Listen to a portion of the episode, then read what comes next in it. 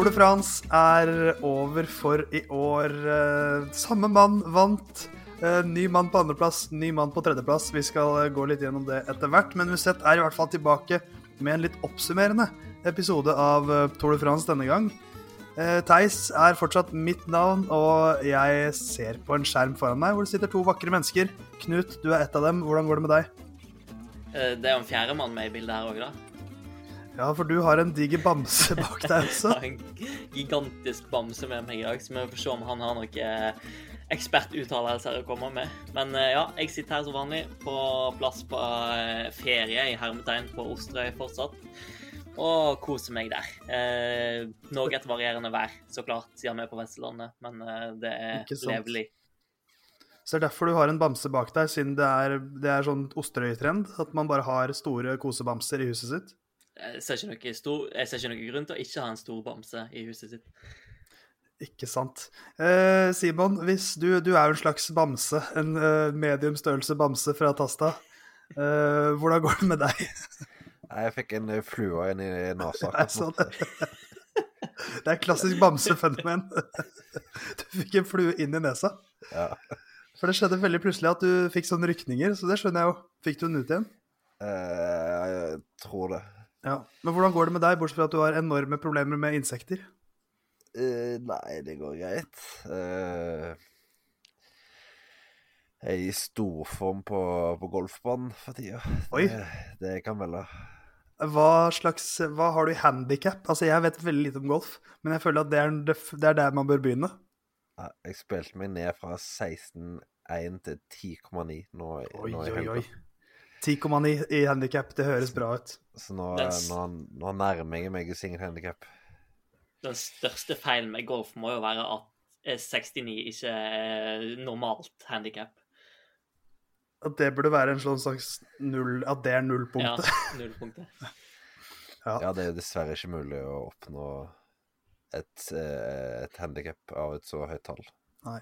Men vi skal, vi skal komme tilbake til 69.-plassen i Tour de France, for det var jo en del av vår tippekonkurranse som vi, eh, vi leverte en haug med tips før Tour de France, men det skal vi snakke om litt senere. Først så får vi ta uh, det viktigste som har skjedd den siste uka, nemlig at Tour de France har fått en vinner. Tadej Pogacar han uh, tok ledelsen veldig tidlig i årets Tour de France og beholdt den helt til Paris. Vant med 5 minutter og 20 sekunder ned til eh, Jonas Vingegård, og 7 minutter og 3 sekunder ned til Richard Carapaz. Eh, en ganske statisk siste uke i Tour de France, der det største som skjedde, vel egentlig var at Rigoberto Uran eh, fikk det noe voldsomt og deisa ned til tiendeplassen i sammendraget. Men Pogacar har vunnet igjen, og i fjor var det jo litt sånn Da kom det jo som et sjokk for alle. Mens denne seieren, Knut, den så vi komme. Den har vi sett komme i to uker nå. Ja, vi har sett den komme i to uker, ja. Eh, det var jo eh, Det var ikke enstemmig at han var den store favoritten foran Tour de France, da, men vi regna jo med at han eh, kunne komme til å vinne. Men at han skulle vinne med så mye, var jo kanskje et lite sjokk, da. Men det har jo litt å gjøre med det vi snakket om tidligere, at Roglic røyk ut og Thomas velta. og Den ble en litt rar dynamikk når han knuste alle på den første uka der. Men eh, eh, Pogacar har vært eh, bunnsolid hele turen. Eh, UAE var litt vinglete enkelte dager første uka, men så syns jeg de har heva seg voldsomt. Eh, måtte kanskje stramme opp rytterne litt internt. En del eh, hoder der som kanskje ikke var skrudd ordentlig på med den rollen de faktisk skulle inn i. Men eh, de to siste ukene har de kjørt strålende i fjellene. De har vist at de er sterke, de rytterne som har hjulpet han.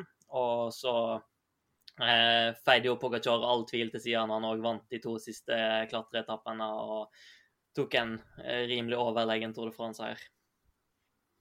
Ja, for han, han gjorde jo det. Han var, eh, han, det ble en veldig klar seiersmargin til slutt. Eh, har vært uhyre stabil. Viste vel svakhetstegn én gang, og det var på Mont Ventoux-etappen. Og da var han egentlig ikke Han var jo nest best av sammenlagtfavorittene, så hvor svak var han egentlig?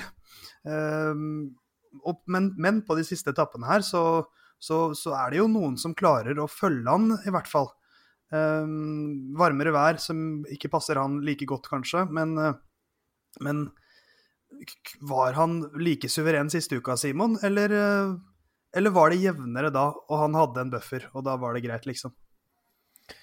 Nei, det var jo opplagt eh, jevnere. Eh, men så er jo måttet spørsmålet hvorfor de klarer å følge i siste uke og ikke i den første. Er det kun pga. været, eller er det òg fordi de i større grad du kan si blir med på og, altså, At de risikerer det å gå med. For det er jo Pogacar som, som i, i, stor grad uh, står bak angrepene òg i den siste uka. Men han blir jo fulgt veldig tett. Det virka som han til tider kanskje var litt uh, frustrert over hvor, uh, hvor tett de fulgte. og han det så ikke ut som han sparte noe i de angrepene han, han gikk på, så, så de de, de virker som de var på et mye, mye høyere nivå den siste uka enn den første. Eh, så da er det jo egentlig fristende å si at det i, stor grad faktisk bare skyldes været. Eh, for eh, for det skulle ikke være en grunn til at, for at de skal bli fryktelig mye bedre i slutten av en Grand Tour enn i, etter åtte-ni etapper. Så det er nok Jeg tipper det er en kombinasjon av været og at og på de to første fjelletappene der, så tenker du at hvis jeg går på, spesielt på den åttende etappen hvor uh, Pogacar stikker på neste siste fjell, at uh, du risikerer å sprekke totalt hvis du blir med og så taper to minutter igjen. Så jeg tror det var kanskje en del som tenkte litt mye risiko i starten. Uh, og så ser vi på slutten at nivået er, nivået er ganske jevnt, faktisk. Kanskje Jonas Vingegård var en av de som, eh, som tenkte litt eh, hva skal man si, defensivt i starten, for på etappen til Grand Bournard. det er jo i stor grad der og på ten, den første tempoen at Tour de France i år blir avgjort. For det er der Pogacar får denne store ledelsen sin. Uh, men så, så, må vi jo prate litt mer om dette danske eventyret på andreplass. Jonas Wingegård kommer inn i Tour de France som en hjelperytter for Primoz Roglic, som skal prøve å vinne Tour de France etter at det gikk litt på tverke i fjor. er bra med i starten, men det er jo fortsatt Roglic-show. og så kommer det noe velt, og så er han ute. Men så er det jo ingen som snakker om Vingegård som en realistisk podiekandidat. Og så plutselig kommer Mont Ventoux, og der tror jeg det skjer noe i hodet hans også. For der, der sparte han ikke på noe, og der var han best av alle. Eh, og så er vi her nå i, eh, etter at Tour de France er fullført, hvor han blir nummer tre på den siste tempoen også, eh, og bare sementerer den andreplassen. Er til slutt 5.20, da, bak Pogacar. Første gang han får kjøre sammendraget i en Grand Tour, og han leverer så til de grader er, Hva skal vi si om den tidligere fiskearbeideren? Som ikke er sagt allerede. For et gjennombrudd. Ja, et enormt gjennombrudd. Uh, rett og slett helt enormt. Uh, Jimbo Visma-ledelsen mente vel at uh, Vingård i realiteten kom inn som uh, til kapteinen. Uh, I hvert fall det de sa i intervjuer etter, etter tempotappen. Det kan de si på, nå, ja. Litt usikker på om jeg tror på det all den tid Dummeste jeg har hørt. Vingård vent, jo venta på Roglic på den uh, mm. etappe tre Ja, der som Roglic velta. så jeg tror vel kanskje ikke helt på det. Men, uh, men etter at uh, måtte han fikk uh, grønt lys, så har han jo Så har han jo sett veldig, veldig bra ut og måtte tatt den rollen veldig fint. Uh, Sjøl med et, et ganske svekka lag rundt seg til slutt. det virker som en mann som ikke ikke krever så mye av uh, omgivelsene rundt seg. Klarer seg veldig bra med, med lite støtte. Uh, og, og, rett og slett leverer veldig bra når han òg får den støtten han på mange måter fortjener. så nei, det er rett og slett veldig imponerende. Et litt sånn merkelig kommunikasjon fra Jumbo Visma rundt det der den siste uka. For det er jo da som Simon sa her, at de sa at han var eh, sidestilt kaptein med Roglic fra starten av. Og så har vel òg de sagt at eh, Roglic og Vingegård hadde daglig kontakt eller sånt, og etter Roglic gikk ut. Og så ble Vingegård spurt om det her sjøl, og så sa han nei, jeg har ikke snakka noe med Primos. Det har vært litt sånn rare situasjoner der. Men jeg så en sånn bakom-film fra Jumbovisme her, der de hadde filma en samtale med Vingegård etter Roglic hadde eh, røket ut, og så sa de til Vingegård at nå kanskje vi gjemmer deg bak Primus lengre. Eh, for jeg tror de gikk inn i Toren med kunnskap om at Vingegård kunne gjøre det veldig bra i Toren hvis alt gikk på skinner. Og han har jo vist òg eh, tidligere i sesongen at han er på et veldig høyt nivå. Men eh, at han skulle holde, holde tre uker, hadde jeg nok kanskje ikke regna med. Men han viser jo da at han er en potensiell fremtidig Grand Tour-vinner. Eh, spesielt med tanke på tempoegenskapene hans. Én ting er jo at han viste seg som en av verdens beste klatrere i Toren, men han viste seg òg som en av verdens beste temporyttere. Ja, han, er, han, virker å være en komplett pakke. Han blir jo nummer tre på begge tempoene. og han, er, han klatrer fantastisk. Han er eksplosiv også. Ble nummer to i Baskeland rundt tidligere i år, som er et ritt som stiller veldig krav til en rytters eksplosivitet i disse korte, bratte bakkene. Så eh, hvis vi ser på, på Grand Tour-kapteinene eh, til Jumbo Visma nå, så må jo han være nummer to i hierarkiet der nå. For han er jo bedre enn Krasverk, bedre enn Bennett. De Molay vet vi ikke helt hvor vi har, men jeg nekter å tro at han er på det nivået nå.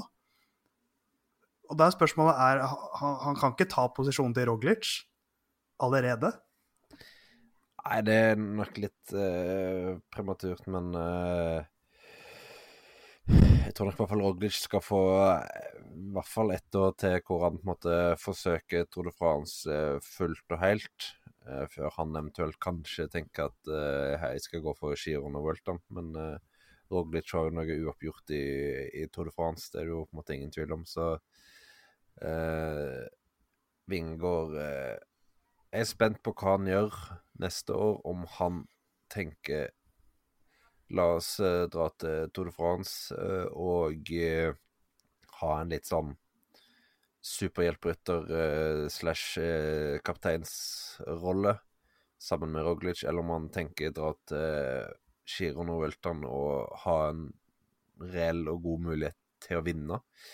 Jumbo Visma har jo kjørt uh, de siste årene i Tour de France uh, med, med en plan om å ha flere sterke kort som kan på en måte gjøre det bra. Uh, og så har det jo kanskje ikke blitt så mye ut av det pga. litt diverse velt og sånt, men det er jo Hvis du ser på Pogacar i år, så er det jo Det var to ting som i realiteten kunne trua seieren, og det var et uh, veldig sterkt Ineos-lag, og det var et veldig sterkt Jumovisma-lag.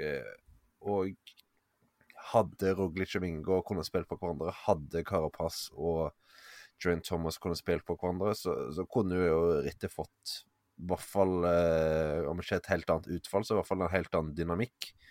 Eh, så det kan være spennende å se om de, om de prøver Roglic Vingård igjen. Det får vi se på neste år, si.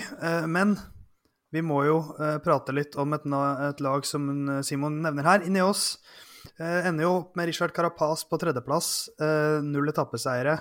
Uh, som det også ble nevnt her, Garen Thomas velte tidlig, skuldra ut av ledd, kroppen var ikke helt i balanse etter det.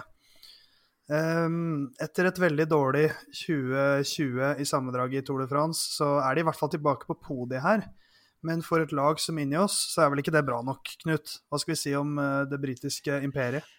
Uh, jeg og min kjære redaktør i Landevei, Henrik Alpes, eh, ga jo karakterer på alle lagene i Tour de France i går, og ga inn i oss uh, tre. Uh, og jeg vil egentlig oppsummere det ganske krast og si at det var ganske ræv. de er tilbake på podiet. En tredjeplass er ja, selvfølgelig det er bra, men måten de kjørte på Eh, altså, De snakket om den her eh, offensive innstillinga, og at de liksom har endra tilnærming og sånt. Eh, Reinspikka bullshit, spør du meg. For har vi sett noe til den offensiviteten under Tour de France? Vi har jo det. Har du, har, har du, glemt Carapaz på en av de første etappene? Han prøvde jo i starten, men, men jeg han, tror de har liksom ja, men... Man må jo stikke fingeren litt i jorda også. De prøvde i starten, og så ser de Det er klart. Ja, OK, han er for god. da må men... vi prøve å få til det vi kan få til.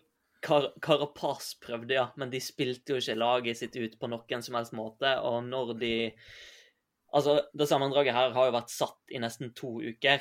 men Ineos prøvde jo omtrent ikke på etappeseiere heller. Eh, I stedet for så satt de bare og taua i front av feltet siste uka. Eh, sånn som Jumbo mister sin kaptein tidlig, omstiller og vinner fire etapper i etterkant. Jeg tenker jo Ineos burde jo prøvd å gå godt etter etappeseier òg.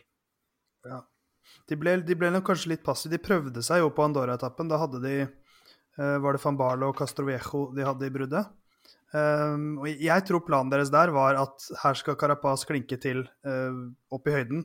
Men der var det jo så vanvittig sterk vind at det var jo umulig å angripe. Det var jo selvmord, rett og slett.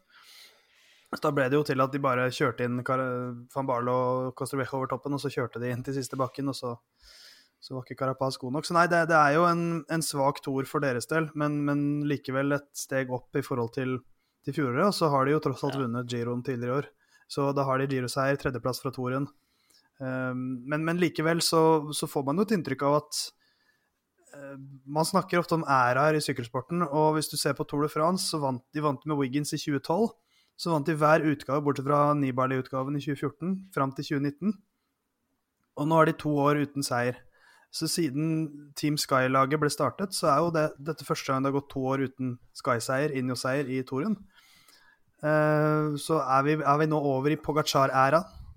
Eller i æraen med liksom Vi sa jo at Bernal kommer til å vinne åtte Tour de France for to år siden. Skal, er det nå vi skal si nå kommer Pogacar til å vinne åtte Tour de France, og så kommer Johan Ayoso eller MK Evnepol og vinner tre stykker isteden? Hvilken æra er vi nå, er vel kanskje spørsmålet mitt. jeg tror det har veldig med seg hvordan Bernal på en måte kommer fullt tilbake. da. Vi så jo at han var ja, i hvert fall veldig nær sitt eh, toppnivå i, i giroen til tiår. Eh, så hvis han klarer å ta det med seg til neste års Tour de France, så, så er jo det på en måte den toppen som det Ineos-laget per i dag nok kanskje mangler. Carapaz er en veldig god syklist, men eh, sånn rent mann mot mann mot Pogacar, så, så virker det som han er et hakk under. Og når han da er dårligere på tempo, så, så, skal det noe spesielt til for at han skal kunne vinne. Så, så i Banal så har de kanskje en rytter som har et hakk høyere toppnivå, og som kan være bra nok til å i hvert fall sørge for at det ikke blir eh, full Pogacar-fest de neste fem åra. Er du enig, Knut? Ja, og så Det skjer jo mye rart i sykling og ritt, sant? så plutselig så går det to utgaver nå der Pogacar ikke vinner pga. skader eller velt eller et eller annet sånt. Så ja, det er litt sånn det er veldig sånn at uh, vi leter etter den neste store vinneren hele tida, hvem som skal dominere sporten og sånt. Men vi ser jo hvor fort det skifter. Og uh, etter Lance uh, la opp i 2005, så har det jo vært, bortsett fra Froome og Sky-æren, da, så har det jo vært ganske varierende med vinnere, da.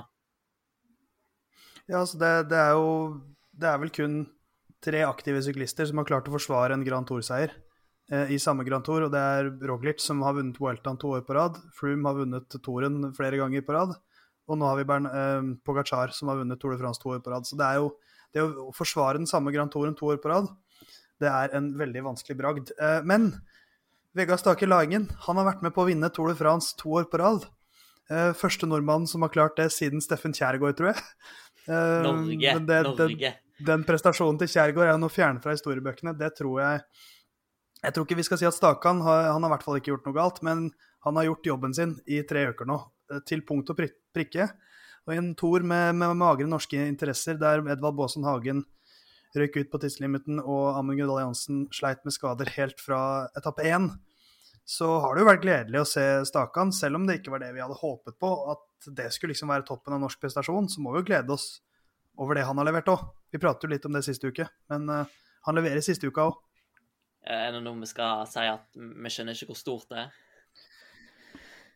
Ja, jeg lurer på om vi sa det sist òg, vi kan godt si det igjen. Men, uh, men jeg, tror, jeg, tror, jeg, tror, våre lyttere skjønner hvor stort det er.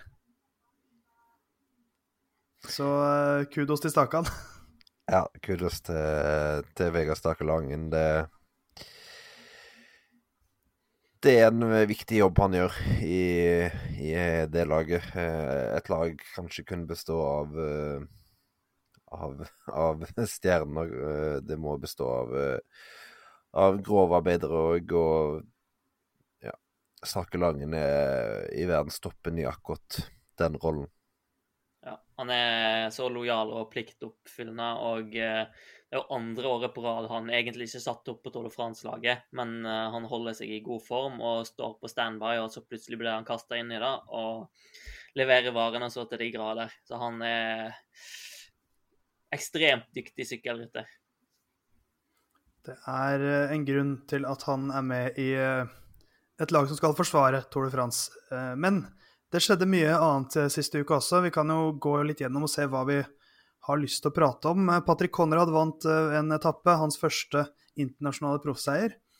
Eh, Tadej Pogacar vant jo de to, to fjellavslutningene foran de samme rytterne, så det, det, det, de har vi prata nok om, tenker jeg. Matej Mohoric vant jo den 19. etappen.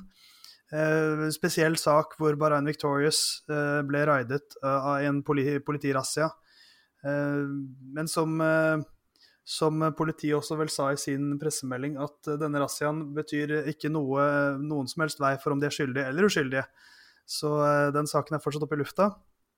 Det minnet jo litt om den eh, saken med Arkea Samsik i fjor, som også ble utsatt for en politirazzia. Så det, det virker jo litt som en måte det franske politiet jobber på, eh, det her kanskje. Og så har vi selvfølgelig Wat van Art, som gjør et ellevilt hat trick i år, står det France, for han vinner en enorm fjelletappe. Han vinner en tempoetappe, og så vinner han den viktigste spurtetappen på Champs-Élysées. Jeg har lyst til å prate mest om Wat van Aert her, egentlig. Uh, han må jo være verdens mest allsidige landeveissyklist akkurat nå. Jeg kommer ikke på noen andre som kan vinne en massespurt mot verdens beste spurtere, som kan vinne en eh, stor klatreetappe i Tour de France og kan vinne tempo. Jeg vet ikke med dere. Det er Tor Hushovd, da. På sitt beste. han vant prolog, han vant uh, en fjelletappe ish, og han har vunnet på Champs-Élysées. Men ikke på Men, samme år. Eh, det er det som er så vilt her.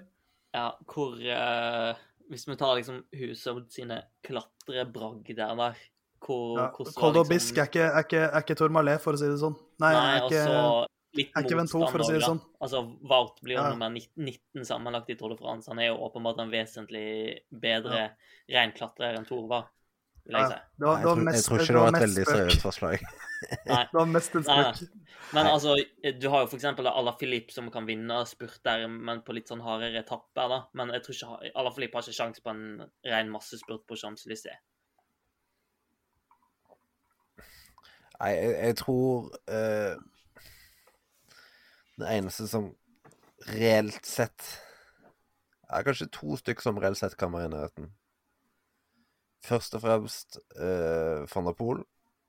Litt uprøvd i eh, fjell, litt uprøvd på tempo, men han viser jo på den tempotappen at, at han med null tempotrening opplagt er god nok til å vinne en tempo hvis han måtte bare trene litt på det. Og i fjelletappene så er han på en måte uprøvd, men han har jo en kapasitet i, i bånn som jeg tror er god nok til å kunne vinne en fjelletappe fra et brudd. Og så eventuelt eh, Thomas Pidcock. Litt usikker på spurten, men eh, igjen så på en måte rein massespurten, men eh, han har jo massevis av kvaliteter ellers. Ja, det, var, det, var, det, er de to rytterne jeg tenker på, jeg òg. Men, eh, men, akkurat nå så er det Wat van Art som er, eh, er det unikummet. Jeg eh, jeg syns jo han seiler opp som en ganske het eh, kandidat nå også til OL, hvis vi skal ta en kjapp prat om det. Men, men jeg sitter også og tenker jeg, frykt, jeg er så redd for at OL skal ende på samme måte som VM i fjor gjorde for han. At han skal bli nummer to på tempoen og nummer to i landeveisrittet. Og så er det en eller annen som slår han i begge. Men han er jo i kanonform nå. Ja, ja, ja, absolutt. Jeg er litt enig med deg angående OL, at det fort kan ende opp med å bli sånn nesten. Eh, spesielt pga. i det, i det fellesstartrittet ser jo den der den eh, siste skikkelig harde stigningen opp til det eh, Mikuni-fjellet er jo ja, 7 km på 10 det, det er ikke det van Ert trives best. Han skulle jo Altså, den klatringen opp til, til Fuji er jo mye, mye slakere til sammenligning, så den siste stigningen der frykter jeg jo for, for Nerts del at han fort er minst et halvminutt, minutt bak over toppen hvis, ja, hvis noen av de største stjernene eh, angriper, da. Så ja, det ble fort medalje, men eh, kanskje gull blir vanskelig. Ja, spørs det litt hvor mye Tour de France har kosta til slutt. Det er jo litt spennende ja. å se det her med reisinga, hvordan alt det der slår ut. Men det gjelder jo ganske mange som skal dit òg, så. Og som et uh, siste stikk, holdt jeg på å si, i årets uh, Tour de France, uh, så må en jo gratulere Brian Victorious med en fantastisk utgave hvor de vinner tre etapper, og de vinner lagkonkurransen. Movistar helt nede på niendeplass. Det er jo helt hårreisende. Ja, sånn kan det gå. Eh, og, så, og, så, liker man jo, og, for det er jo en viss syrlighet i det du sier her, Simon. for man liker jo disse lagene som går for lagkonkurransen. Men, eh, men eh, jeg syns jo, da du så Peo Bilbao og Wout Pools og alle gutta på podiet der på Champs-Élysées, så skjønner jeg litt at, uh, at det er ganske stort for rytteren òg, altså. Ja, altså, det, det er ikke en diss av Brian Vittorius. De, Mest av Movistar. Ja, de, de, kjørte jo opplagt for det på, på slutten. Da jo på en måte å se hvordan uh, Wout Pool, som jo du kunne tenke kanskje burde fokusert fullt og helt på å prøve å samle så mye klatrepoeng dagen etter uh, som er som mulig klatrepoeng dagen etter, valgte å kjøre full maskin opp opp eh, på den 17. Eh, etappen. Eh, kan være at han hadde vunnet klatretøyet hvis han hadde tatt det helt piano, det, det vet du aldri. Men, men ja. det var jo bare en som gikk for det mot slutten. EF pleier å ta ut lag som, som gjør det bra, og som satser litt på det. De vant vel et år med Hushovd, hvis jeg ikke husker mm. feil.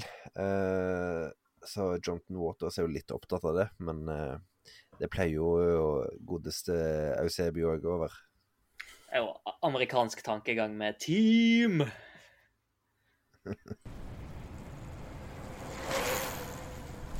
Hei! Adrian og Stien i Bioracer Norge her. Vi i Bioracer vet at det er mange av Musets lyttere som også liker å sykle. Og da burde du høre etter nå. Vi i BioRacer leverer tøy til profflaget UnoX samt mange klubber og bedrifter rundt omkring i Norge.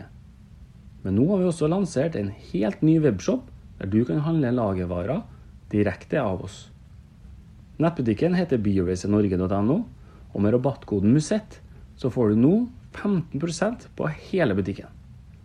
Kos deg på sykkeltur i sommer med klær fra BioRacer.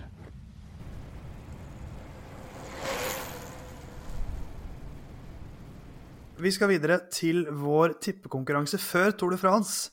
Så uh, ba jeg eh, Simon og Knut, og så gjorde jeg det selv også, om å spille inn en lydfil hvor vi tippet litt forskjellige ting uh, til årets Tour de France. Vi tippet hvem som skulle bli nummer to og nummer tre. For vi tippet jo seier, alle, vinnerkandidat alle sammen, i vår forkant av Tour de France-episode. Eh, der vi da tippet Pogacar, eh, Roglic og Carapaz. Så da var det jo én som traff, og det var vel, eh, var vel Simon. Hvem traff på andre- og tredjeplassen? Og det får vi svaret på snart. Vi tippet også 69.-plass, Lantain Rouge, antall forskjellige ryttere i gul ledertrøye. Så tippet vi minst overraskende hendelse, mest kontroversielle hendelse og antall norske etappeseiere. Um, så da får vi se hvem som har truffet best i Musett sin tippekonkurranse. Vi begynner med å høre hva jeg tippet før Tour de France. Her er uh, mine tips, altså Theis sine tips, i uh, Musett sin uh, ekstremt spesielle tippekonkurranse. jeg tippet jo Primoz Roglic som vinner, så min andreplass det er Tadej Pogacar. Tredjeplass Jeg har jo gått ganske hardt inn for at, at han kommer til å ha en bra tour. Så Miguel Angel Lopez han blir nummer tre, tror jeg. 69.-plass den tror jeg går til Sonny Colbrelli, den italienske mester. Han klatrer bedre enn noensinne så tror jeg at uh, litt i jakten på grønn trøye og flere tappeseiere, så kommer han kanskje til å gå, til, gå et par brudd. Så jeg tror Colbrelli blir uh, eh, 69.-plassen. Lantin Rouge, Roger Kloge, som eh, kommer til å være en slags livvakt for Caleb Ewan gjennom disse tre ukene, og sikkert kommer til å være langt bak ganske mye. Eh, han blir Lantern Rouge. Jeg tror det blir fem forskjellige ryttere i den gule ledertrøya. Og så er det da minst overraskende hendelse. Det tror jeg blir at uh, Julien Alaphilippe han kommer til å virre fra venstre til høyre på et oppløp for å holde enten van Ert uh, eller van der Poel bak seg, kanskje begge to. Men Alaphilippe blir ikke deplassert fordi han ikke vinner etappen. For han klarer ikke å holde begge to bak seg.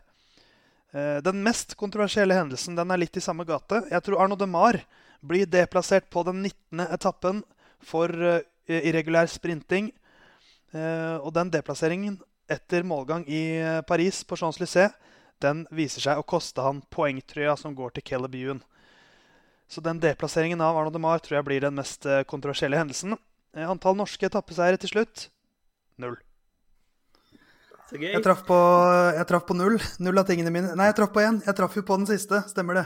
Null norske etappeseiere. Ja, samme her. Bomma så det sang på Miguel Ángel Lopez. For det gikk dårlig. Uh, Lantern Rouge, Roger Kluge, han fullførte ikke.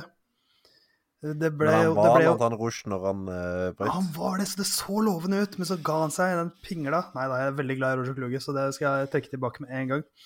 Uh, det var jo tre forskjellige ryttere i den gule trøya, og jeg tippa fem, så der bomma jeg. Jeg var jo helt på jordet med Ala Filip-greiene. Han gjorde jo, han vant første etappen, og så var han egentlig ganske anonym store deler av, av toren. Uh, og DeMar forsvant jo før han rakk å spurte feil. Så det gikk ikke så bra, det her, gitt. Men jeg har jo et håp. For, for den som jeg, jeg, tippet jo Sonny Colbrelli på 69.-plass. Og vi har vel blitt enige om at den som er nærmest, det er den som treffer eller vinner. Og Colbrelli han ble nummer 52. Så jeg bomma med 17 plasser. Så vi får se om noen av dere er bedre enn det. Nå, nå vet jeg ikke hva Simon har tippet men jeg kan uh, si med tanke på mitt tips, så blir det rekordjevnt akkurat der. Det er litt gøy. Oi, oi, oi.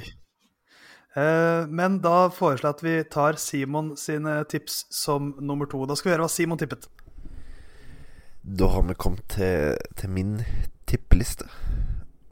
Uh, jeg gikk jo for uh, Tadej Pogacar som vinner. Og med han på, på podiet så får han uh, Primoz Roglic og ingen ringere enn Julian Alaphilippe. Rett og slett. Uh, på 69.-plass så finner vi en gammel kjenning, og det er Chris Froome. Og på som Lanterne Rouge så, så har jeg gått for uh, taktikken uh, tro på at eh, Caleb Ewan kommer seg hele veien til Paris, og at hjelperytteren hans må jobbe mye. Roger Kluge. Videre, da. Antall forskjellige ryttere i gul trøye. Da har jeg fire. Nå kan du òg få navnet på de fire, bare så du vet det. Og det er da Mathieu van der Poel, Wout van Ert, Julian Alaphilippe, og så kommer Tadej Pogacar på slutten og tar trøya fra Alaphilippe. Og den minst overraskende hendelsen, det er at Caleb Ewan kom til å vinne en etappe i Tour de France 2021, og den mest kontroversielle hendelsen, det at Mark Cavendish kommer til å vinne en etappe, og så legge opp på direkten i seiersintervjuet etterpå. Og antall norske etappeseiere, det blir dessverre, vil noen si, en smultring null. OK, det her var gøy. Her er det, her er det mye å ta tak i. Han har Filip på tredjeplass, uh, Tasta. Ja, det var, det var, det var en følelse som kom og snika den inn etter For det tipset jeg du sendt inn et par dager etter at vi hadde spilt inn podkasten. Og da begynte jeg å tenke på at ja, Ale Filip skal ikke til OL en løype som bør passe han bra. Ingen sånn enorme fjelletapper hvor han uh, risikerer å, å, tape enormt med tid hvis han blir kjørt av i, i første fjell og det er 150 km igjen. Og... Jeg hadde tro på at han på en måte skulle få en litt sånn uh, utgave som, som, for et par år siden. og ha en ledelse inn i Alpene, klare å beholde den og, og så og så tape det i, i uh, Pyreneene. Men uh, nei, han uh, var ikke interessert i det. Nå, Men, ekstremt eh, godt tipsa synes... med gule trøyer, da. Da traff du jo Ja, for det er nettopp det. helt. Du, for du, du hadde jo tre av de. Du hadde jo, tre av, du hadde jo de tre som hadde trøya, og så var du Wat van Aert var jo veldig nære også. Mm. Ja, det var, jeg, var, jeg bomma litt på rekkefølgen, men, Ja, ja, ja, men eh, det- men, eh, ja, at Wout ikke fikk den gule, det var litt uh, surt. Og så har vi dobbel Roger Kluge på Lanterne Rouge. Så vi har tenkt veldig likt der. Chris Froome, der, der bomma du grovt, for han ble nummer 133. Ja, det er skuffende. Så det, der har den gamle Grand Tour-legenden Jeg får, skuffet deg. jeg får skylda på velten han hadde, at han Ja. normalt sett hadde vært litt bedre. Jeg syns jo foreløpig at Simon var nærmere med sine tips enn det jeg var. Selv om han hadde Alaphilippe på tredjeplass, da, men jeg hadde jo Lopez der, så jeg vet ikke hva, om det er noe bedre. Han fullførte jo ikke. Eh, Men vi har én mann igjen. Knut, la oss høre på hva du tippet. OK, Musett sine fantastiske lyttere. Da har vi kommet til Theis Magelsen sin fantastiske tippekonkurranse. Dette er mitt 69. forsøk på dette opptaket. Men eh, i Tour de France-podkasten før rittet starta, så tippa vi altså alle vinnere. Jeg tippa Richard Carapaz. Og i eh, tippekonkurransen vår så følges det, det altså opp med andreplass. Da gjetter jeg på Tadej Pogacar. Så har jeg Primus Roglic på tredjeplass. På 69. plass så tipper jeg Mikael Wahlgren. Eh, Nå sjekker jeg rett i sted her at han ble nummer 73 i fjorårets Tour de France. Så da tenker jeg han tar steget opp på den eh, prestisjefylte 69.-plassen. Eh, Lanterne Rouge, eh, der går jeg for Roger Kluge, som faktisk ble Lanterne Rouge i 2020 òg. Så det er jo et eh, rimelig safe tips, vil jeg hevde. Antall forskjellige ryttere i gul trøye, der går jeg for fem. Det har vært tre og fire omtrent de siste fire-fem åra. Eh, Men i år går jeg altså for fem forskjellige ryttere. Eh, Minst overraskende hendelse det må jo være at Nasser Bohani deplasseres i en spurt. Mest kontroversielle hendelse eh, at Richard Carapaz angriper Geraint Thomas når han sitter i gul trøya. Altså Thomas i gul trøya blir angrepet av lagkamerat Richard Carapaz. Og så går vi for antall norske etappeseiere. Det blir nok dessverre null i år. Da er det bare å si god Tour de France. Det var jo en god Tour de France, men eh, fy søren. Vi må, vi må begynne med det viktigste her, som er 69.-plassen. eh, Som er den mest prestisjetunge tippingen. Der tippet jo jeg Sonne Colbrelli. eh, Og du gikk for Mikael Valgren. Og der slår du meg altså med én plassering. Colbrelli Ja, ble nummer 52, Valgren nummer 53. Og det skjedde på siste dagen. Ja. På siste etappe så har Valgren falt ned to plasser. Og forbi Colbrelli. Ja, det, Den som ble nummer 69, var altså Brandon McNulty, så får vi sagt det også, men det Åh, jeg, det så Colbrelli var for god. Jeg kunne ikke se at han skulle klatre så bra som han gjorde, men uh, du tar den, Knut. Men, uh, men resten av det du tippet, var jo ikke spot on. Men du gikk for Roger Kluge, du òg, da. Så det er trippel der. Ja. Og så Pogacar på andre var jo Du hadde vel ikke Pogacar i det hele tatt, Theis? På pallen? Jo. Du, hadde? Jeg hadde Pogacar på andreplass, jeg òg. Ja, Jeg hadde okay. Pogacar og eh, Miguel Ángel Lopez. Mm, OK. Ja. Men spørsmålet er jo Nå har alle rett på null norske tappeseiere. men, men får jeg poeng for å ha tippa Tadej Pogacar som vinner? Jeg, jeg syns jo at Altså, for ingen av oss var nærme nok på 69.-plassen til at den kan veie så tungt. Du var 16 plasser unna, jeg var 17 plasser unna. Eh, Men jeg, jeg syns den gule trøyespådommen til Simon, den er så, den er så presis Mm. at jeg syns Simon vinner den her. Fordi at ingen av oss var i nærheten på de kontroversielle eller minst overraskende hendelsene. Eh, Så for meg, for meg, dette er demokrati, jeg vil stemme på Simon som vinner. Fordi han er så Han går, så, han går for korrekthet på gule trøya og treffer så godt. Ja, Er du enig, Knut? Ja, jeg er helt enig. Jeg kjenner jo jeg heller burde Ja. gått for at Nasser Bohani henger på en bil i fjellene istedenfor at han blir deplassert. Ja, da hadde du stukket av med seieren. Det er i hvert fall helt uh, sikkert. Eller så kunne man uh, tippet at et av lagene blir raidet av, um, Franske Mm. politiet. Det er også en ganske kontroversiell hendelse. Men, uh, men det var det ingen som tippet. Så Simon, du er vinneren. Eh, hvordan føles det? Stort? Ja, det er stort. Det er klart det er stort. Uh, som, eh, som en viss 15-åring ville sagt. Uh, nei, det, det er ikke ofte jeg vinner ting, så det, det er en uh, uvant følelse, men en god følelse. Hello, I'm Alberto Contador and listen to Musette.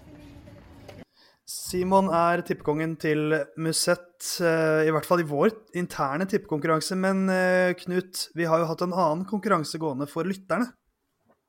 Ja. eh, vår megaspennende, verdenskjente Tipp topp tre-konkurranse.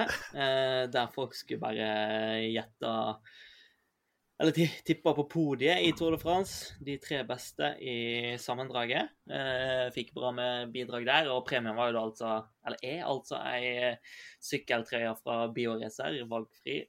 Og eh, så har jeg kjørt en sånn her eh, ting på internett som plukker ut en vinner eh, fra lista. Eh, så det er helt eh, upartisk der. Og da ble vinneren altså fra Twitter med nikke 123 kake1 vinneren her. Kake vinner altså vår eh, konkurranse. Eh, Nå kan vi vel lete kjapt opp hva han tippa her. Se om han var eh, spot on eller ei. Eller hun eller hen. eller hen, ja. Kaker kan finnes i alle kjønn. Eh, nå skal jo sies at han tippa ganske langt ut i toren her, da. Da, da var jeg innafor reglementet, bare for sagt da. Men Ja, ja. han tippa altså Pogacar, Vingegård og Uran. Eh, og det var jo sånn det lå an en stund før Uran sprakk. Men eh, tipset er godkjent for det, for konkurransen løpte hele Tour de France. Og gratulerer til 123 kake 1 på Twitter. Eh, hvis du hører det her, så send oss en melding. Hvis ikke, så skal vi ta kontakt etter hvert.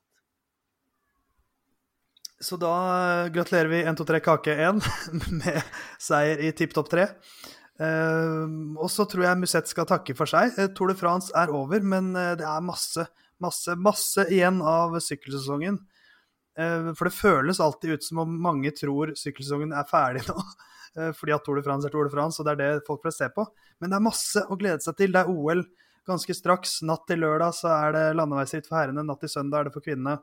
Så er det mm, temporitt på onsdag, eh, og så kommer eh, det større ritt også etter hvert. Vi har eh, Klassiker San Sebastian som er her om en drøy uke, og det må være lov å knote litt, Knut. Knote-Knut. Ja. altså, Polen rundt kommer, Vuelta Spania er, er her om tre uker. Det er, det er jo så mye igjen. Så i Flandern rundt, og i en VM-variant av Flandern rundt, og Paris-Roubais også, det er, det er så mye å glede seg til. Og ikke minst så kommer det jo tre store norske etapperitt i august. Arctic Race går første uka i august, husker ikke helt datoen her. Men uh, Ladies, Tour Nor Ladies Tour of Norway fra 12. til 15. august, veldig sterkt startfelt der. Og så er det Tour of Norway, herrenes utgave fra 19. til 22. august. Så det er mye kjekt i vente. Ja, vi har jo òg ja, Bare denne uka så er det jo Kristoff sitt eh, eh, Som kommer tilbake i konkurranse i Tour de Valony, hvor han òg kjører mot blant andre UnoX, og det er Tor Alsace, og det er masse greier. Eh, vi har jo ikke fått snakke om hvor enorme Team, team Coop har vært i, i Polen i den eh, foregående uka. Det har jo vært eh, helt eh, enormt nivå. Vi rasker med seg alt som er av eh, Alt som av seire, så det er mye som eh, Mye som går bra på på den eh, norske scenen. Eh, selv om eh, det var kanskje var litt sånn eh, mer stang ut for de norske rytterne som kjørte på Sardinia, hvor August Jensen forsvant ut med kragebeinsbrudd. Men eh, alt i alt det er mye som skjer i norsk sykling. Så uh, mye å glede seg til i ukene og månedene som kommer. Vi i Musett skal uh, forsøke å trille rundt med sykkelhjulene, vi også. Knut, har du noen siste bevingede ord før vi takker for følget? Oh, uh, nei. Eh, Nei. Jeg heter Knut. jeg heter Knut. Han heter Knut, han heter Simon, jeg heter Theis. Eh, lik oss på sosiale medier, følg oss, ranger, last ned og abonner på oss, så blir vi glade, og så høres vi igjen før du aner det.